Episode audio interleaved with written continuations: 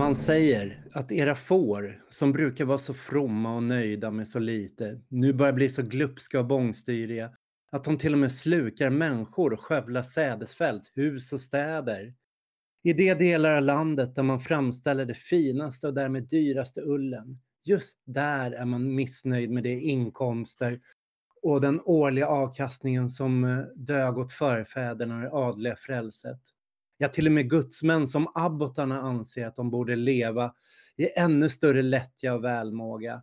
Som om det inte räcker med att de inte bidrar med något. Nu vill de dessutom ligga samhället till last. Ingen mark får längre vara åkerjord, utan allt ska vara betesmark.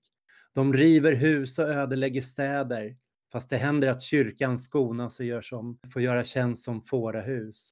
Och som om avelsgods och betesvallar inte fördärvade tillräckligt med odlingsjord, så gör dessa män allting som överhuvudtaget varit odlat och bebott till ödemarker. När en sådan omätlig frossare går fram över landet som en förhärjande farsot och inhägnar avgränsade åkrar på någon tusentals hektar med ett enda stängsel, då kastas arrendatorerna ut. Några av dem som antagligen blir lurade med falska förespeglingar eller vräkta med våld eller helt enkelt tröttnar på trakasserierna tvingas att sälja. Efter en kort irrfärd har de gjort slut på den summan. Och vad återstår då annat att göra än att stjäla och bli hängd? Självfallet i laga ordning eller stryk omkring och tigga. Men då hamnar de i finkan för lösdriveri och arbetsvägran eftersom det inte finns någon som kan anställa dem fast de söker arbete med ljus och lykta. Där man inte sår någonting finns heller ingenting att göra för de som förstår sig på jordbruk. Det räcker ju med att ha en enda fåraherde eller oxdrivare för att vakta boskapen på mark som skulle kräva en stor arbetsstyrka. Stås.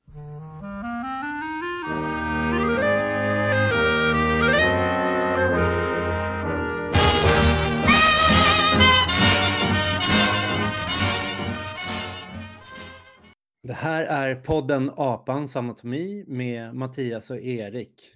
Det här citatet kommer ur Thomas Mores Utopia från 1516 och det träffar rakt in i hjärtat på det vi ska prata om i dagens avsnitt. Om det gemensamma, om allmänningar och gemensam nytta. Vi tänker försöka gå igenom allmänningarnas historia och koppla det till nutid, till dagens strider om eh, välfärden, om det vi gemensamt har nytta i samhället. Det här är ett ämne som ligger dig mycket kärt om hjärtat, Erik. Du har ju bland annat hållit på och skrivit en bok om allmänningar, eller hur?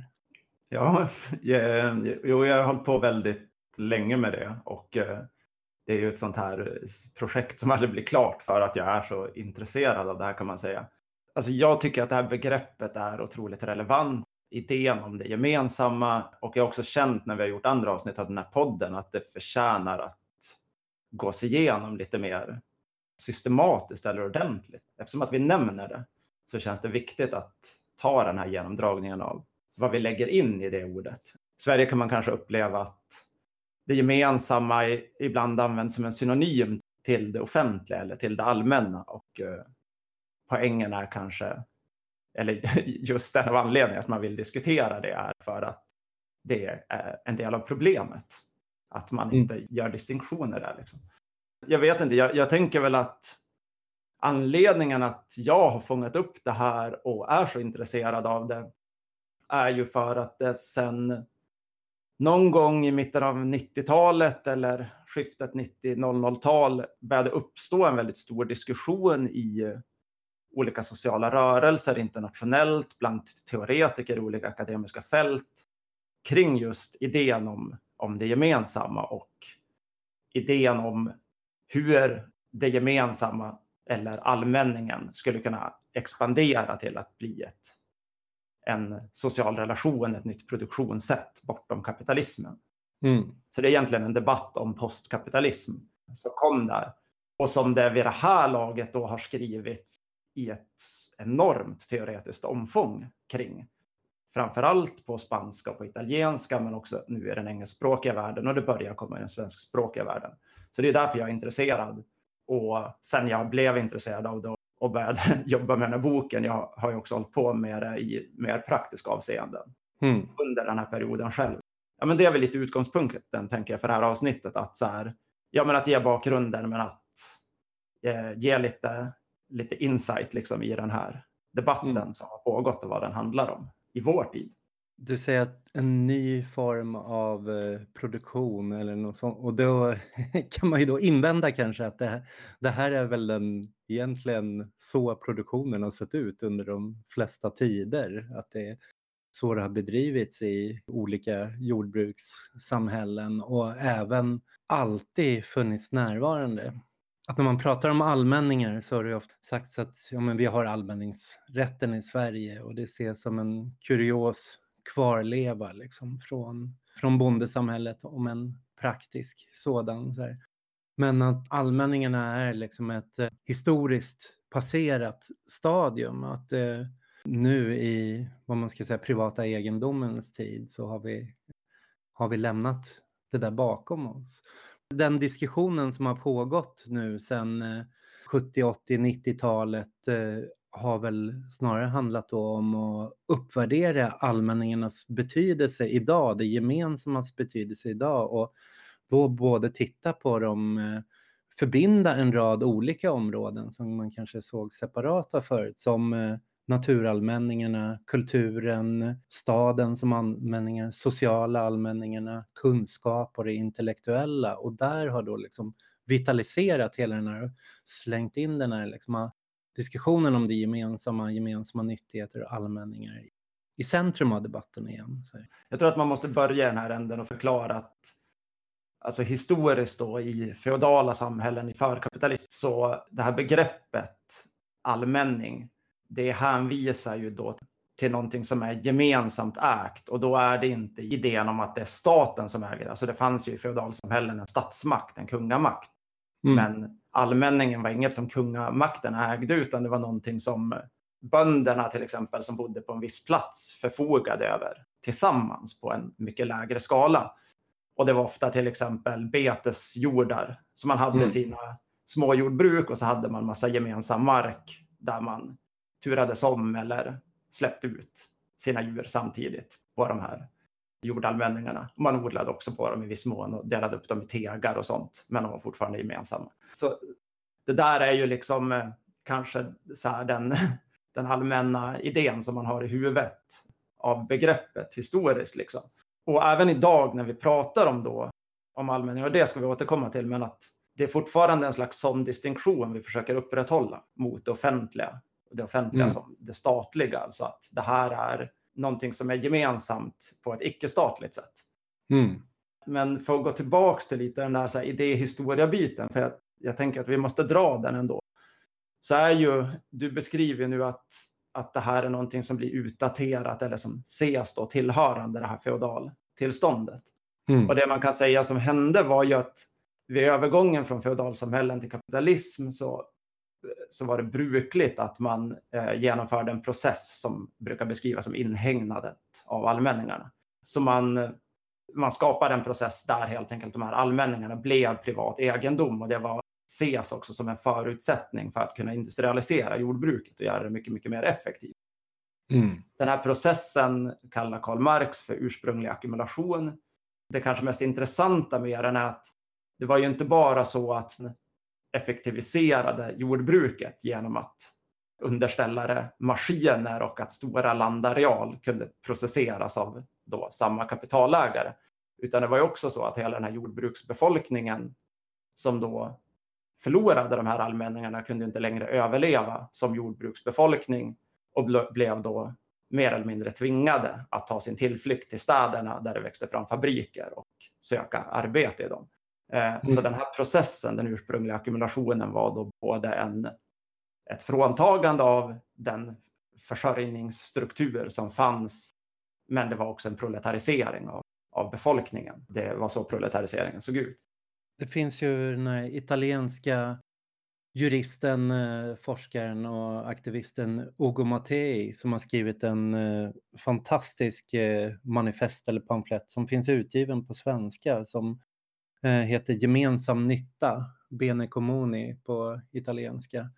Mm. han eh, lyfter ju fram just den här Marx-passagen om ursprungliga ackumulationen och han drar ett steg längre att säga att det är, det är där hela, så här, vad man ska säga, både kapitalismen och modernismen, moderniteten som projekt börjar med just den här ursprungliga ackumulationen genom att inhägnaderna men också genom kolonialiseringen av stora delar av världen. Mm. Så för att industrialiseringen ska komma igång och de här marknaderna ska kunna uppstå så måste man både komma över väldiga mängder råvaror, resurser och väldiga mängder arbetskraft och samtidigt då beröva människor deras andra försörjningsmöjligheter. Och jordbruket var ju det majoriteten av mänskligheten levde på. Men vid sidan av eh, jordbruket där man kanske arrenderade mark och liksom stod i någon förbindelse till en feodalherre. Så precis som du sa så fanns ju då hela att du hämtade ditt bränsle, du kunde hämta kött från skogen, du kunde även gå ut på åkrarna efter det hade skördats. Eh, att när ni skördade tillsammans i byn så hade den som hade odlat hade rätt till första skörden men sen kunde man gå ut och plocka ax och frön. Och... Mm. Det där beskrivs ju väldigt mycket i Gamla Testamentet. De har ju principer då för det där i det judiska samhället i Judeen på den tiden där man hela tiden beskriver efterskörden och har normer kring att man ska lämna efterskörden för personer som kanske är handikappade eller på andra sätt inte kan mm. Eh, försörja sig på åkermarken. Så hur man, i det fallet så skapade man ju också samhällsgemenskapsprinciper utifrån de här, hur mm. de här resurserna gemensamt görs.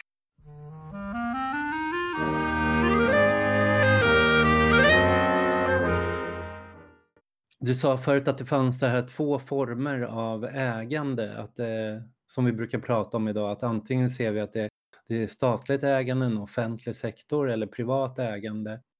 Men eh, här fanns en tredje form då som eh, på ett sätt kan man ju säga att kungen var som suverän var garant för det, att ägde all mark i hela landet, att hela riket var, stod under kungen. Så på kungens, eh, de områdena fick du gå ut och hämta ved, du fick eh, plocka bär.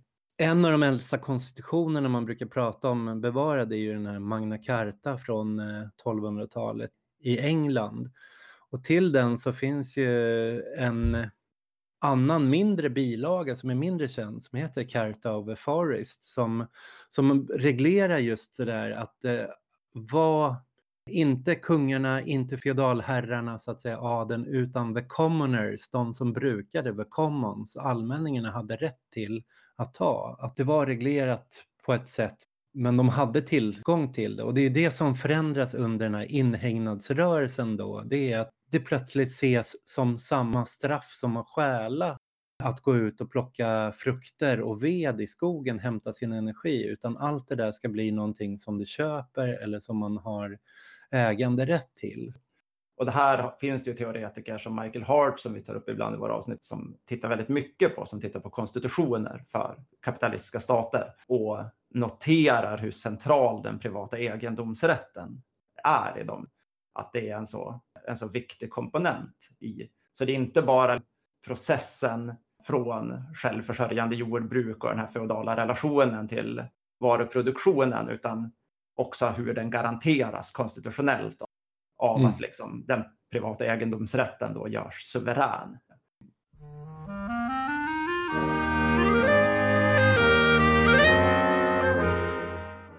Jag tycker att det som är så intressant då är att då finns det en allmän föreställning om att vi har haft den här formen och sen får vi de kapitalistiska samhällena med deras produktionssätt och konstitutioner som stater.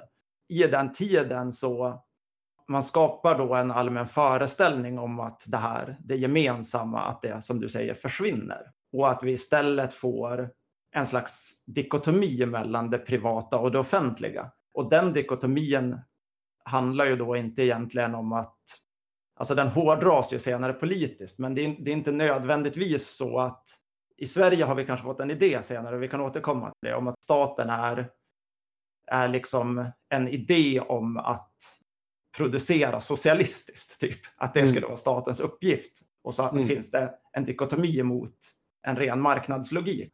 Men det är väl kanske snarare så att man har sett den här dikotomin historiskt som Alltså att de här sakerna har haft olika typer av funktioner i relation till varandra och i dynamik med varandra.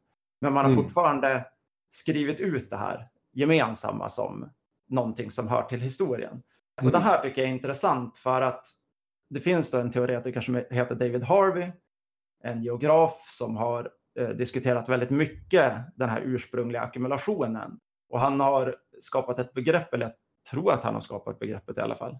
Han använder i alla fall ett begrepp som han kallar för ackumulation genom fråntagande. Och det David Harvey menar med det begreppet, det är egentligen att följa utvecklingen in genom hela den kapitalistiska utvecklingen och notera att den här ytan, sfären, relationen, det gemensamma fortsätter hela tiden att existera och att skapas inom olika fält eller vad man ska säga. Mm. Och den här processen som Marx kallar ursprunglig ackumulation fortsätter också att existera i den meningen att den identifierar den här utsidan som då inte är bara geografisk som i ditt exempel med kolonierna utan också handlar om fält som inte är inordnade i kapitalrelationen. Den söker dem och söker inordna dem då under marknaden. Och den mm. processen fortsätter och fortsätter och fortsätter. Och eftersom att det också fortsätter att skapas det gemensamma i nya former så kan också ackumulationen genom fråntagande fortsätta existera. Men här mm. är det ju så då att han noterar att det här sker och det går att exemplifiera, men i kanske vår allmänna språkliga apparat, och det här gäller i stort sett hela västvärlden, så trots att det här är ganska uppenbart om man börjar studera det, så har vi inte en terminologi för. Vi definierar inte vad den här utsidan är med något begrepp, utan vi har de här, det offentliga och privata begreppen som idéer för hur relationer struktureras, enligt vilken form vi gör saker. Kan vi säga att hela den eh, traditionen då som eh, Harvey beskriver om att eh, ursprungliga ackumulationen var inte ursprunglig och den är inte avslutad utan den har ju fortsatt. Och i den marxistiska traditionen liksom, från Marx, Luxemburg, Lenin så diskuterar man ju då den här utsidan i sina teorier om kolonialism och imperialism. Liksom. Mm. Kapitalismen behöver en utsida som den kan Eh, konsumera för att kunna expandera. Så man behöver de här resurserna och arbetskraften som man hela tiden ska kunna. Det intressanta med den här traditionen som kommer lite samtidigt som Harvey, till och med innan, det är kring de eh, autonoma marxistiska diskussionen. Så här, och då inte främst i Italien utan i USA och Tyskland. Det finns en tidning som heter Midnight Notes eh, och där en känd feminist som heter Silvia Federici också där tittar man snarare på hur den här fortsatta inhägnadsrörelsen pågår intern i kapitalismen. Inte bara som eh, ackumulation genom fråntaganden som Harvey tittar på, att eh, det som har varit allmänningar inhägnas på nytt, utan också hur arbetskraften har hela tiden, alltså vi har hela tiden varit beroende av allmänningar för att kunna reproducera oss själva oavsett om det gäller mat eller bränsle eller betesmark eller, eller gemensamma platser, liksom kunna mötas i kyrkan eller på torget, någonting sånt. Och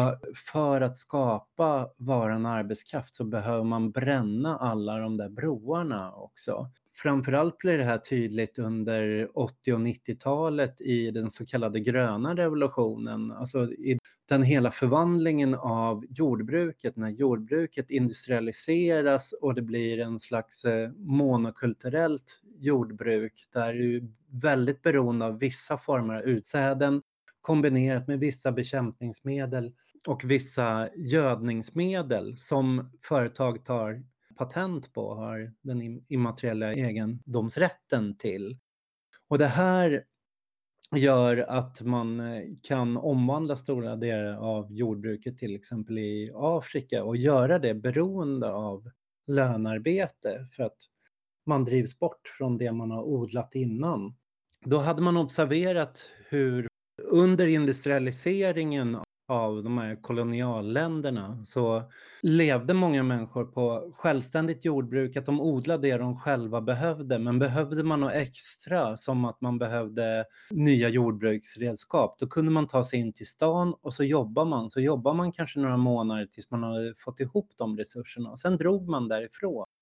Så att det gick inte att få en permanent arbetsstyrka och som hela tiden hade andra försörjningsmöjligheter. Så att för att få en fungerande arbetskraft eh, var man tvungen att se till att eh, alla de här eh, sidoförsörjningarna försvann. Så här, det här lapptäcket av försörjningskällor.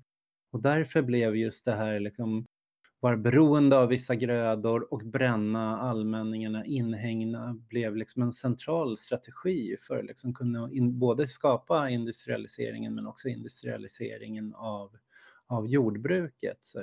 Mm. så det finns väldigt mycket bra skrivet om den här, ny, de kallar det för new enclosures, den nya inhägningsrörelsen mm. under 80 och 90-talet. Den här diskussionen, man kan referera den väldigt långt i kritisk litteratur. Liksom. Det finns ju redan i i diskussionen om kapitalet i, i slutet av första bandet till exempel så finns ju den här diskussionen om de amerikanska då, de som har migrerat till USA från mm. framförallt Storbritannien. Så har de en debatt där om att de har problem med att när man kommer till USA så finns det hur mycket mark som helst. Så det, det alla gör när de kommer dit är att de börjar odla och blir ganska bra på att vara självförsörjande.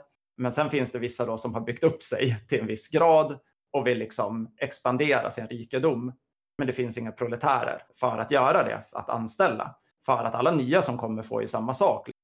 Så då börjar mm. man diskutera de här regleringarna ur nya migranter måste jobba 20 år till exempel, eller vad är de säger, innan de får en sån marktilldelning. Där skapar man en väldigt juridisk tvångsproletarisering i den typen av kolonisituation också. Liksom. Så det, där, mm. det finns ju massa sätt att relatera till det här jag tycker att det mm. som är intressant med hela den här bakgrundsdiskussionen med att den här dikotomin uppstår, att det här ändå är en fortsättande eller fortlöpande process. Liksom. Det är ju då att inte bara se att inhägnaden fortsätter utan också att det gemensamma uppkommer i nya former med nya omvälvningar av produktivkraften. Alltså så, mm. när, när vi har samhällsomvälvningar som, vad ska man säga, rekonfigurerar eller anordnar produktionen på ett nytt sätt så mm. tenderar det att uppstå nya sådana här sfärer av det gemensamma oavsett om vi benämner dem eller inte egentligen. Och man kan mm. se att de, den här jordbruksinhägnaden liksom var en första fas så har vi sedan haft en industriell fas där vi har haft massa saker som har utförts kanske inom ramarna för fortfarande för kanske framförallt den kvinnliga befolkningen i familjen, i stadslivet och så vidare. Alltså, mm. Det är massa saker som är upprätthållt då, så reproduktivt upprätthålls av oavlönat arbete av kvinnor, men i någon typ av form då som inte är inordnad direkt i varuproduktion, som man ju sen också har försökt att på olika sätt agera så här med i senare kapitalistiska epoker. Man har försökt göra till exempel vissa av de sakerna till tjänster på en marknad. Alltså expansion av arbetsmarknad och daghem och så vidare. Som både går att se då som eh, reformer som skapar ett ökat välstånd och kan ses som positiva ur massa synvinklar, men som man också kan konstatera har den dimensionen.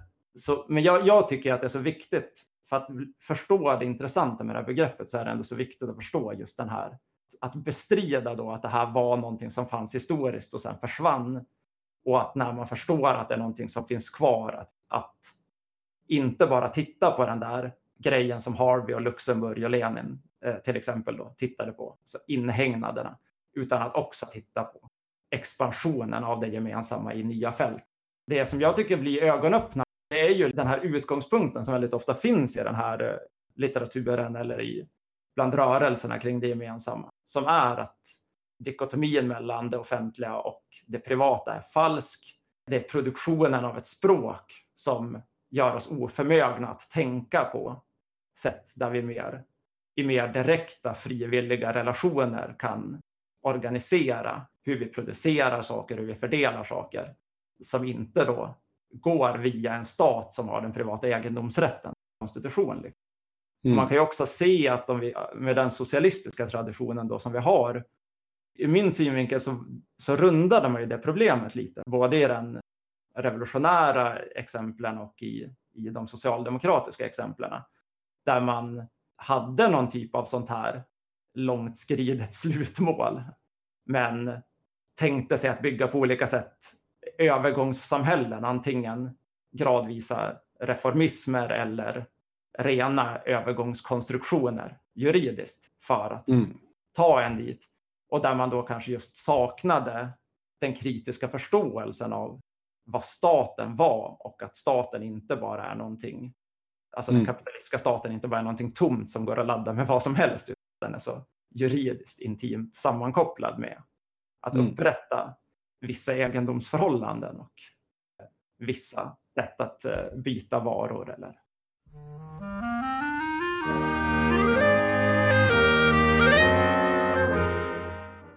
Vi kanske ska bena ut de bitarna lite mer. Om vi har nu, vi har det gemensamma, gemensamma nyttigheterna, allmänningarna. Vi har det offentligt ägda, det statligt ägda och vi har det privat ägda som idag alltså inte handlar om vad individer äger i stort sett utan vad stora transnationella bolag i stort sett äger. Så om vi ska försöka se de här tre formerna och börja med att diskutera så här, men gemensamma nyttigheter och det offentliga, liksom, vad, vad skiljer de åt? Vad går de ihop på? Är bibliotek en eh, allmänning, gemensam nyttighet? Är sjukvården gemensam nyttighet? Är skolor en gemensam nyttighet? Eller är det offentlig? Alltså jag, jag tänker ju då så här lite att man måste göra distinktionen mellan de här begreppen när man rent språkligt för mm. att kunna förstå dem som möjliga sociala relationer också därifrån totaliteter, produktionssätt liksom. Men inom det vi just har pratat om, till exempel med det gemensamma, är ju en dynamik och rörelse mellan de här sfärerna i ett samhällstillstånd. Så även om vårt samhällstillstånd är kapitalistiskt och präglas av det privata, kan man säga. Det är det vårt samhälle är konstituerat kring. Så som du sa, det behöver fortfarande i viss mån andra sfärer, andra strukturer och andra former av sociala relationer. Och de kan också ske delvis inom varandras ramar. Hur ska jag förklara det här tydligare? Ja, men jag, jag tänker lite så här att ja, men biblioteken är ju ett, för mig ett jättebra exempel på någonting som är nära idén om allmänningen, det gemensamma. Från början så var de ju i någon mån allmänning i meningen att de, det arbetarrörelsen gjorde var ju att man startade upp folkbibliotek eh, mm. som, som i någon mån är skapade efter sådana principer. Alltså inte principer om ett varuutbyte utan ett, en princip om att i så stor mån som möjligt ska kunskap och information vara någonting allmänt tillgängligt. Och vi hittar en form att tillgängliggöra det efter förmåga. Men det är ändå den stora målbilden med varför biblioteken ska finnas. Är kunskap ska vara gemensam, tänker jag mig. Och jag tänker mm. mig att vi har haft en liknande syn på välfärd i Sverige i breda termer. Och det där gör det ju lite grumligt för att det jag tänker att många gör i vår svenska kontext då är ju att man tänker sig att det offentliga eller staten, att det här skulle vara själva den konstituerande uppgiften för den. Mm. Liksom. Men det här är ju snarare ett slags, eh, en slags eh, social relation eller ett utförande av allmänning som sker inom ramarna för en stat, kan man säga. Mm. På samma sätt så kan man se den utvecklingen som vi har haft sedan nyliberalismen började, där vi har en, en statsapparat som omvandlar sig till att fungera enligt marknadsprinciper. Så hela offentlig sektor funkar enligt marknadsprinciper. Vi har hela de här offentlig-privata samverkan som gör att privata företag och statliga institutioner växer ihop och att det också finns massa juridiska ramverk som gör att det går nästan i den meningen inte längre att upprätthålla den distinktionen alls. För att staten är liksom bara en viss, det är vissa kugghjul i liksom det montaget eller den anordningen som, som är marknaden. Mm. Eh, så på det där sättet flyter begreppen in i varandra lite. Och det är just den, den biten jag tänker att de här begreppen går in i varandra. Att det kanske är så också ett fruktbart sätt att se på det. Att se på det offentliga befinner sig mitt i stridslinjen mellan det gemensamma och det privata. Att jag kan ta några exempel. Att det, geme alltså, det gemensamma, allmänningarna, behöver inte administreras offentligt, men de kan administreras offentligt. De kan skötas eh, som i form av biblioteken, att du, det betalas via skattepengar och skatten du ställer biblioteken till förfogande, alla har rätt att gå dit och låna. Det spelar ingen roll om du vill låna en bok i månaden eller tio böcker i månaden. Så här, hur mycket du använder så att säga spelar ingen roll. Men det kan också, sådana former av allmänningar kan ju vara organiserade av kooperativ, föreningar eller existera utanför. Men däremot så eh, blir ju problemet med det offentliga att det offentliga styrs ju av vilken form av politisk hegemoni eller vilken eh, maktkonstellation som har makten för stunden, hur styrkeförhållandena ser ut. Vi kan tänka som allmännyttan byggde upp ett bostadsbestånd som, eh, som är en gemensam nyttighet. Vi har alla behov av att bo och att bostad ska vara en rättighet och allmännyttans roll har varit att eh, eh se till att det finns så pass mycket billiga, bra bostäder, att eh, bostadsbristen försvinner.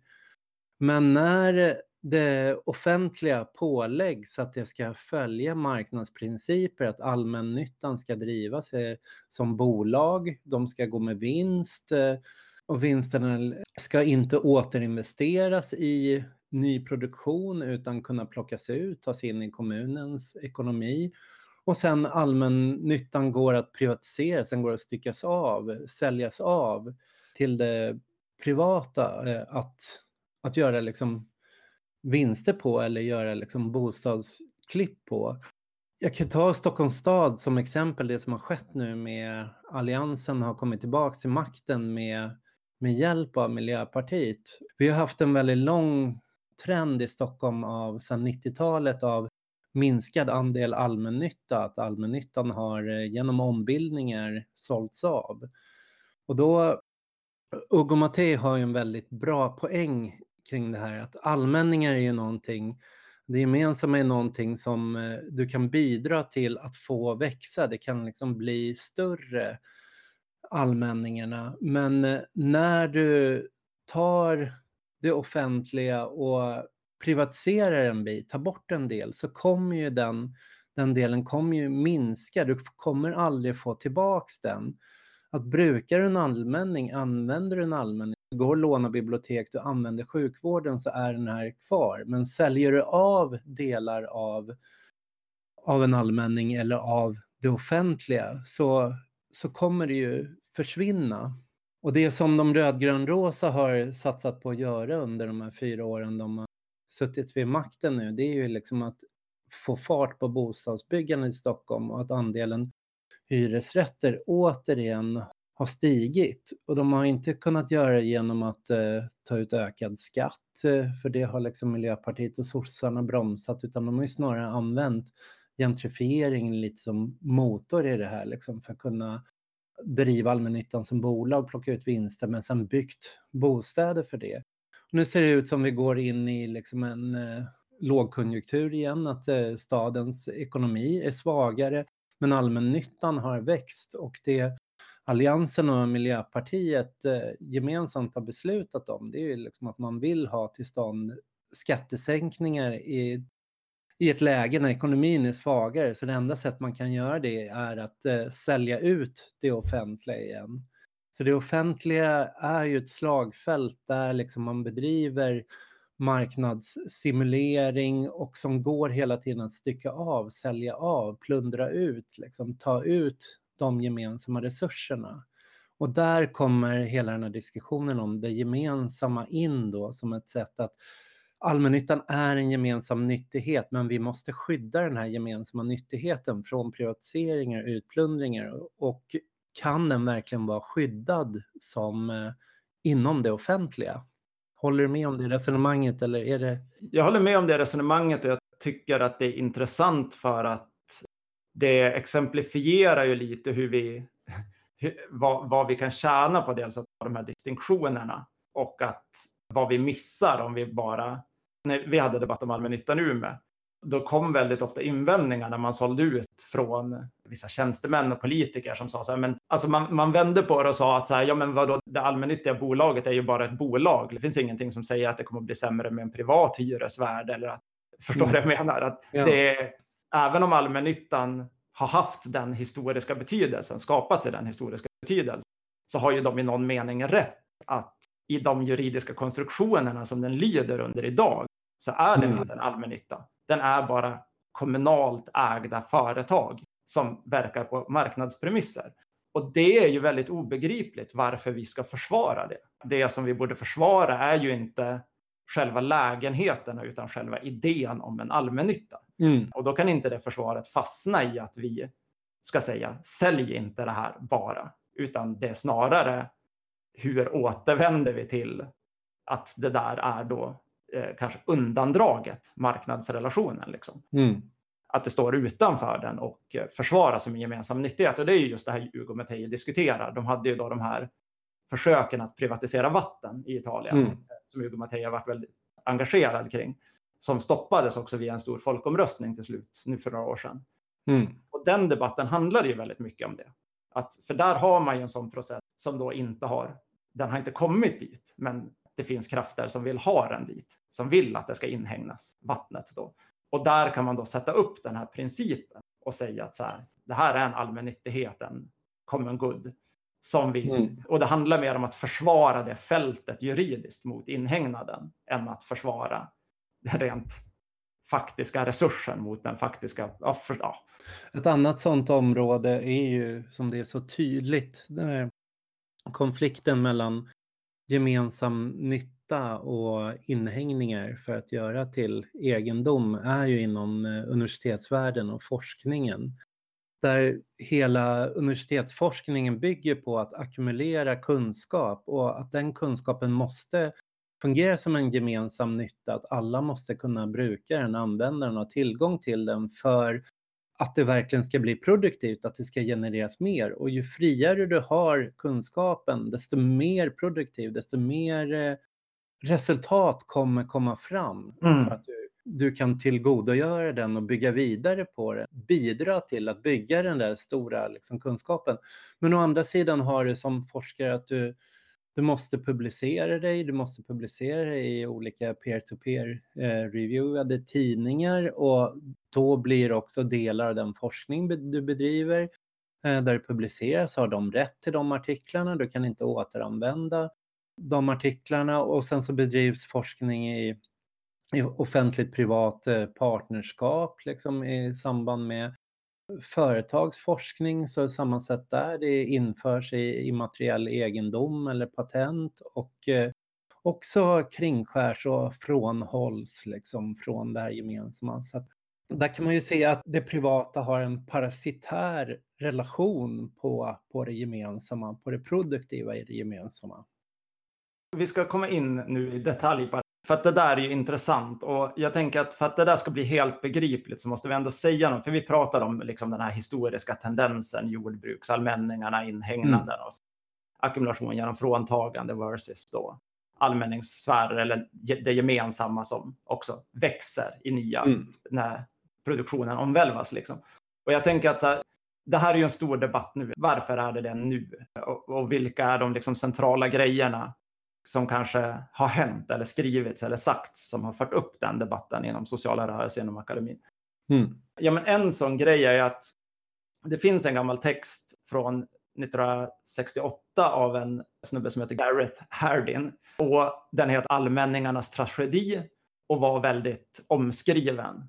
Essentiellt så handlade den texten om att bevisa att bristen på reglering, bristen på ett centralt styre eller på en marknadsreglering, alltså på ett, det offentliga eller det privata alternativet, leder till rovdrift. Och det här handlade framförallt om naturresurser eller markanvändning. Det Hardin menade var att låter man bara massa bönder släppa ut sina kor på en jordbruksmark så kommer alla att maximera sitt individuella uttag och utarma den här platsen. Liksom. Mm. Han tar exemplet också med fiskare som åker ut och fiskar ur sjöarna.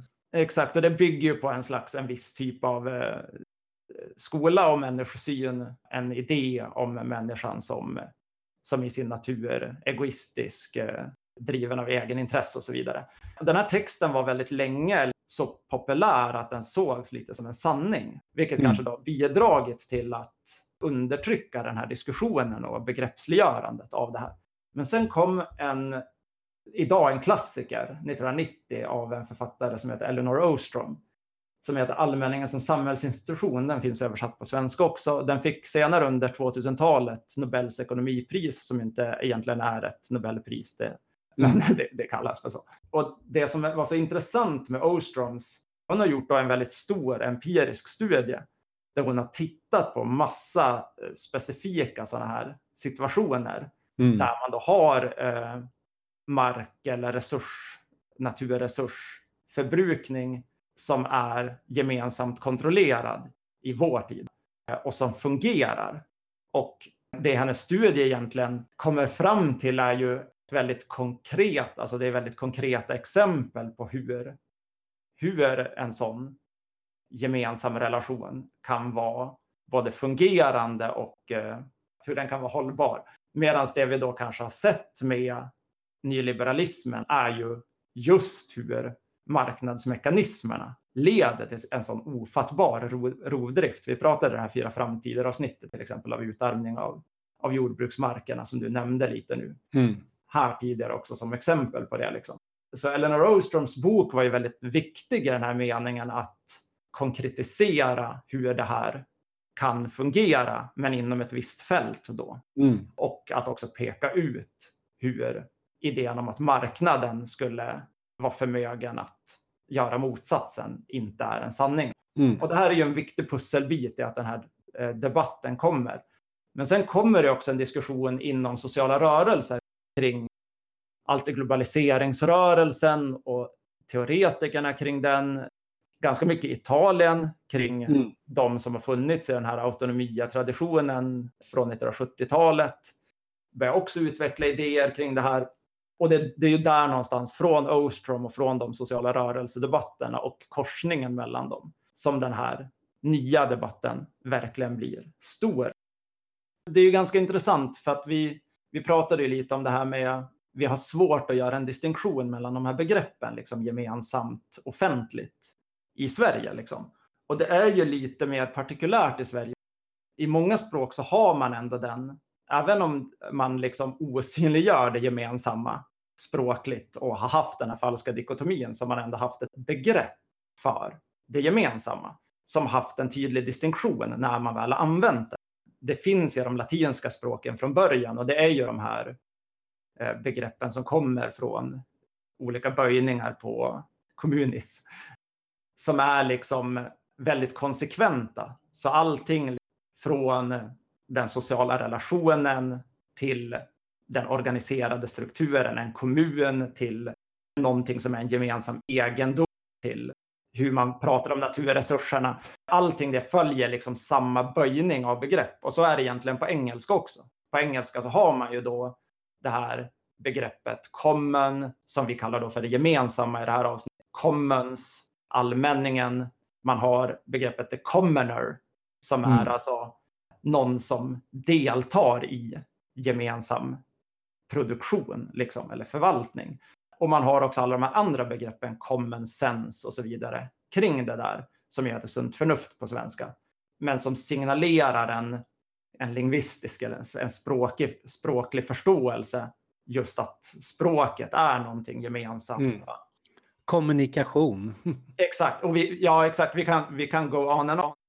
Men det gör ju att när, för mig och dig som kanske har suttit och översatt sådana här texter några vänder från olika språk, mm på det här ämnet så har man ofta problem med här, den här grumlingen. För när vi kommer då till Sverige så kallar vi lite ömsom saker för allmänt gemensamt. Allmänningar är ju en böjning på allmän. Och så har vi gemenskap till exempel, som är en böjning på gemen som kommer från tyskan. Så att den här distinktionen att det ena på något sätt hör till det offentliga, till staten och att det mm. finns andra begrepp som står utanför den och kännetecknar något annat. Den distinktionen är jättemycket grumligare i svenska, vilket gör svårare att utmana den här dikotomin. För när man börjar prata då som vi gör ganska konsekvent om allmänningarna och det gemensamma så kommer väldigt många bara översätta det till det offentliga i sitt huvud för att vi mm. använder begreppen så parallellt.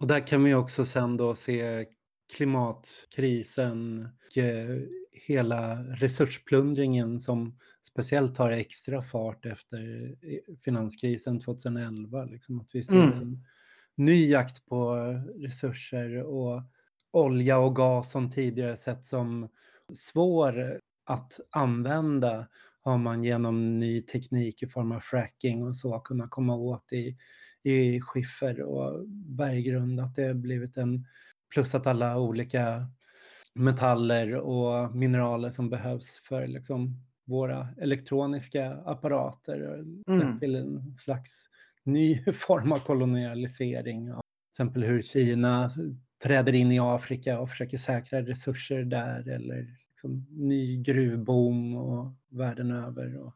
Exakt, och en, en, annan grej, och här om man ska liksom vara lite konkret, så det finns ju alla de där mekanismerna. Så dels att Ostroms bok kommer och he hela klimatdebatten och utvecklingen kring det och utvecklingen internationellt som du säger med rovdrift och ackumulation genom fråntagande och sånt. Men sen finns det ju också i de här kanske framför allt de eh, autonoma debatterna från Italien så finns det ju två stora teoretiker som vi har diskuterat tidigare i ett avsnitt som heter Antonio Negri och Michael Hart. Eller Michael Hart är amerikan, men han skriver mm. med italienaren Negri. Och de har ju då gjort den här Imperiet-serien som var den vi pratade om. Mm. Den första boken kommer 2000. Tredje boken i den serien heter Commonwealth, vilket väl går att översätta ungefär till gemensam nytta eller allmän nytta eller liknande. Mm. Den översattes ju aldrig till svenska. Negro Hearts bok, de tar ju då massa debatter som har pågått inom den här autonoma sfären, till exempel pa Paolo Virno och det finns en, en rad andra teoretiker som har skrivit mindre verk om produktionens utveckling under ett postfordistiskt samhälle, men också hur det i det finns en ny expansion av det gemensamma.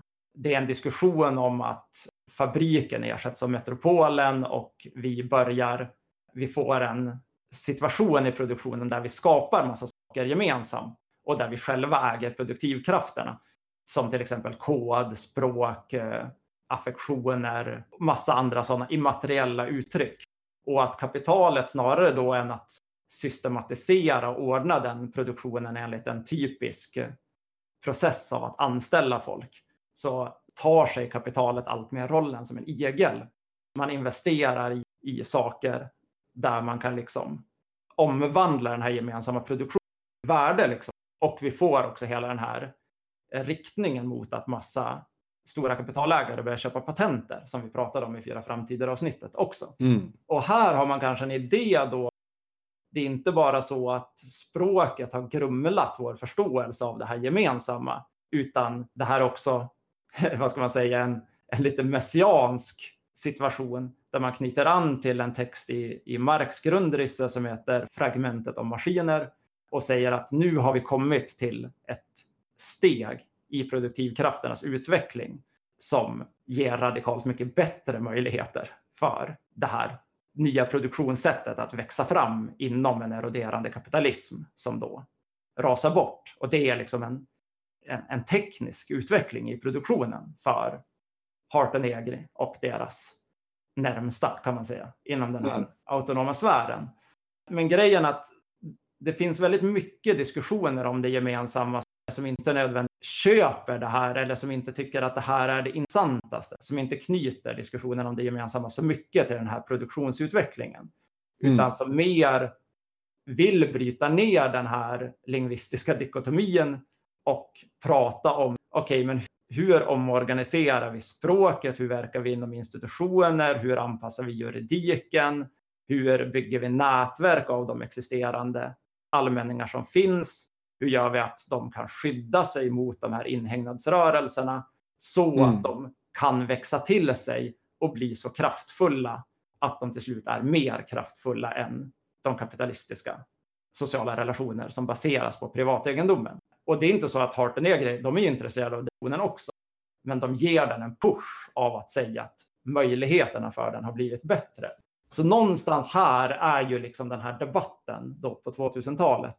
Ja, det är Ogo Mattea, han beskriver lite med att eh, han ser, beskriva staten som en butler som är verksam i liksom ett eh, rikt hushåll. Och att eh, butlerns uppgift eller eh, kanske är att se till att den här uh, rikedomen består eller förvaltas på ett sätt. Han har rätt att bruka den, han kan använda sig av den, men för att den ska expandera. Men han har inte rätt att ta matsilvret och gå ut och sälja av det för att få in, få in cash och driva hushållet med så att säga. Och det är det som uh, den borgerliga politiken går ut på när det gäller att sköta det offentliga. Liksom.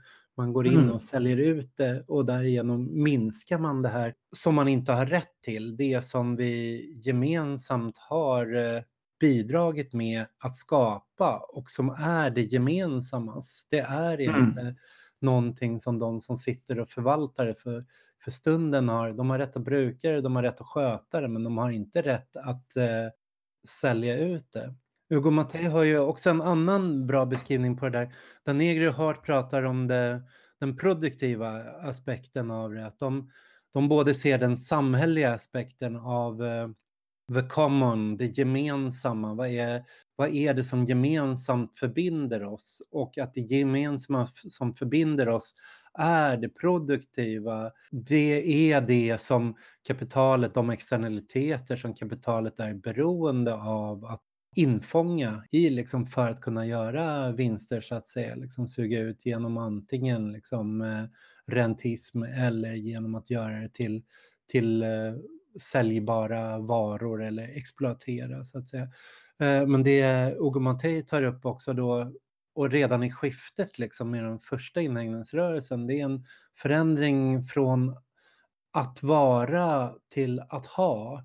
Att allmänningen går från att ses till gemensamma nytta som någonting vi har. Att det, det där är också den här allmänningstragedi då kommer in, att vi ser det som en, här är en sjö med fisk, liksom hur mycket fisk plockar det ut ur den? Här är en skogsdunge med hasselnötter, liksom om alla bara går och plockar hasselnötterna så kommer, kommer hasselnötterna ta slut, så att säga. Att det bara ses eh, det där, vem har det, vem äger det, så att säga, medan den andra aspekten eh, som var tidigare var de som brukade, de som använde sig av eh, det gemensamma nyttan, just den aspekten, gemenskapsaspekten eller den sociala aspekten av att det, det alltid varit en mängd personer som har förbundits genom det och också skött det. Mm. Där Elinor Åström då påpekar att det, men det är ju det här som är lösningen på allmänningens tragedi. Det är ju de här som har ett intresse av att driva och sköta och rovdriften skeds ju snarare i det privata sfären. Att vi har ju en kapitalism nu som har på några hundra år gör slut på de resurser som det själva inte kan reproducera som har tagit miljoner år att bygga upp liksom, i form av energi och andra former av resurser. Utan ur den här aspekten då, liksom att se allmänningen som produktiv och allmänningen som gemenskapsskapande, så gemensamma nyttan är ju snarare någonting som är skyddat från marknadsprinciperna och garanterat någon form av långsiktig överlevnad på det för att man hela tiden måste se till att generera och reproducera den för att inte utplundra den. Och det är där de här diskussionerna om det gemensamma både som Negri Hart säger att det är en tendens som faktiskt är väldigt stark och existerar i samhället, men också att ska vi tänka oss en lösning på klimatkrisen så måste vi, vi måste bryta med det här liksom privata egendomssättet att mm. se på naturresurser, på natur, på ekologi, klimat. För någonstans är det nu det enda som görs gemensamt är att eh, katastroferna, kollapsen, utsläppen, liksom, värmen, den, den görs till det, det gemensamma men resurserna liksom plundras ut och tas av ett fåtal. Du nämnde begreppet externaliteter. Jag tror inte vi nämnde det tidigare, men det förtjänar ändå att påpekas. Det begreppet är intressant för att om vi då har haft den här falska dikotomin och haft svårt att språkliggöra det gemensamma, så har ju nationalekonomin språkliggjort det just mm. med det här begreppet externaliteter. Så man har mm. alltid haft en idé inom, inom just nationalekonomin att det finns en utsida som man på något sätt kapitaliserar på. Men man har inte då skapat en teoribildning kring att definiera den eller hur den funkar eller så, utan man har alltid bara skrivit in den som det är externaliteterna. Så det, där finns ju det begreppet. Det jag tycker att det är, är viktigt att påpeka. Sen tänker jag också lite på det här med tillbaks till Harpenegris idé liksom och jag kanske lät lite kritisk mot den, vilket jag också är i viss mån, för att jag rör mig kanske närmare andra delar inom de här skolorna som diskuterar det här. Men det jag tycker är intressant var det, du tog upp det här med universiteten och kunskapen, inhägnaden av kunskaperna som universitetet mm. funkar. Liksom. Och att där tycker jag verkligen att det ligger en poäng under den här tidsepoken vi är i nu. I kanske inte så mycket alltså, Eh, den där messianska approachen då, men mer den här idén om att, att vi hamnar i en situation som vi också pratade om, om som rentism i det här For Futures-avsnittet, där det produktivt logiska är att information och kunskap ska vara en allmänning. Liksom. Det är väldigt uppenbart.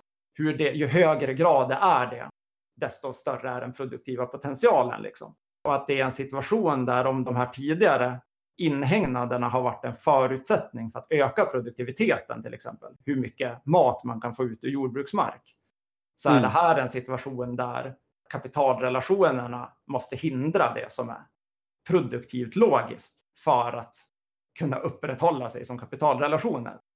Även om det har skett i mindre versioner tidigare så är det väldigt tydligt idag, liksom med patenter och sånt, att, att det där inte riktigt är logiskt. Liksom. Och jag tänker att det är värt att just den biten av var vi är just nu tycker jag är väldigt värd att diskutera lite längre. Liksom.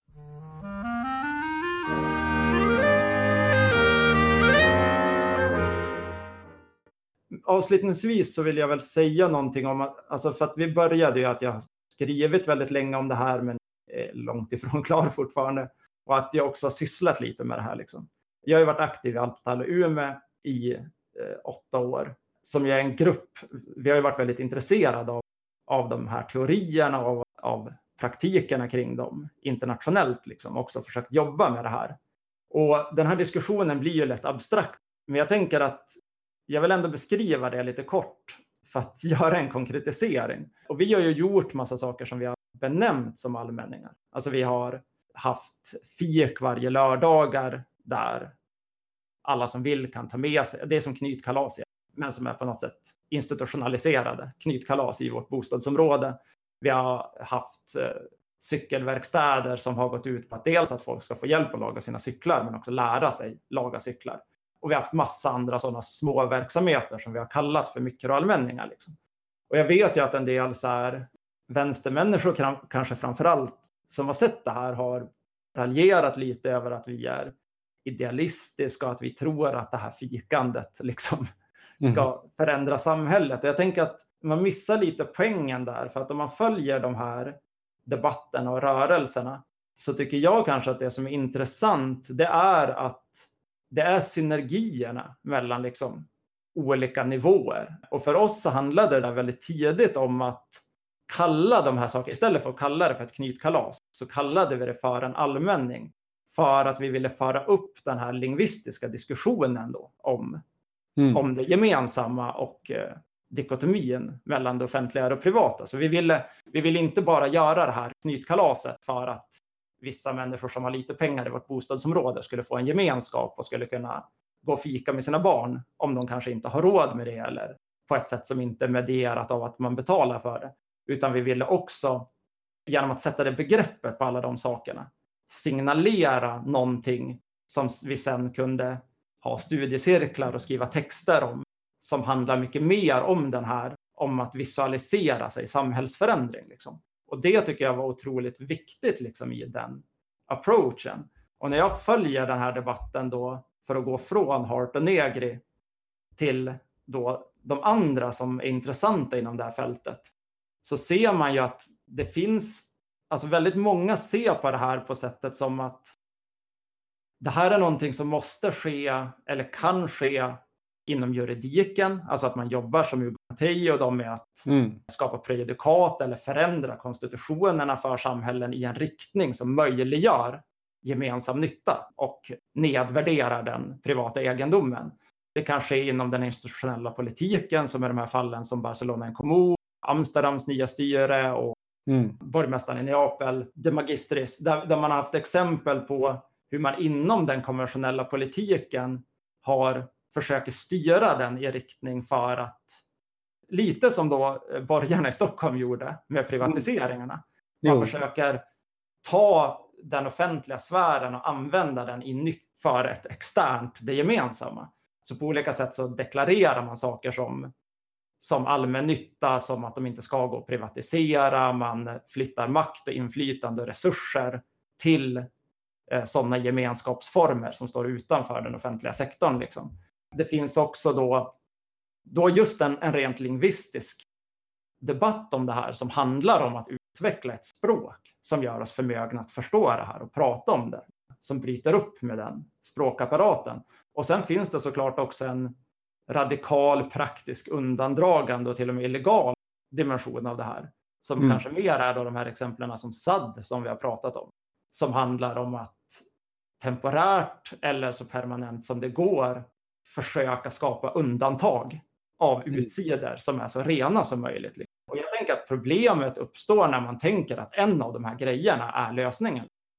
För mig, mm. mitt intresse för det här ämnet och hur vi då har jobbat med det allt och alla Umeå ligger ju i dynamiken mellan alla de här olika sätten att ta sig an det här och hur det skulle kunna skapa liksom, en ny situation eller framväxten av ett nytt produktionssätt mm. som eroderar kapitalismen. Vi får komma tillbaks till de här äh, alla olika projekten i kommande avsnitt och se det här som ett introduktionsavsnitt. Mm. Tack för att ni har lyssnat. På mm. återseende. Hej! Mm. Tack, hej!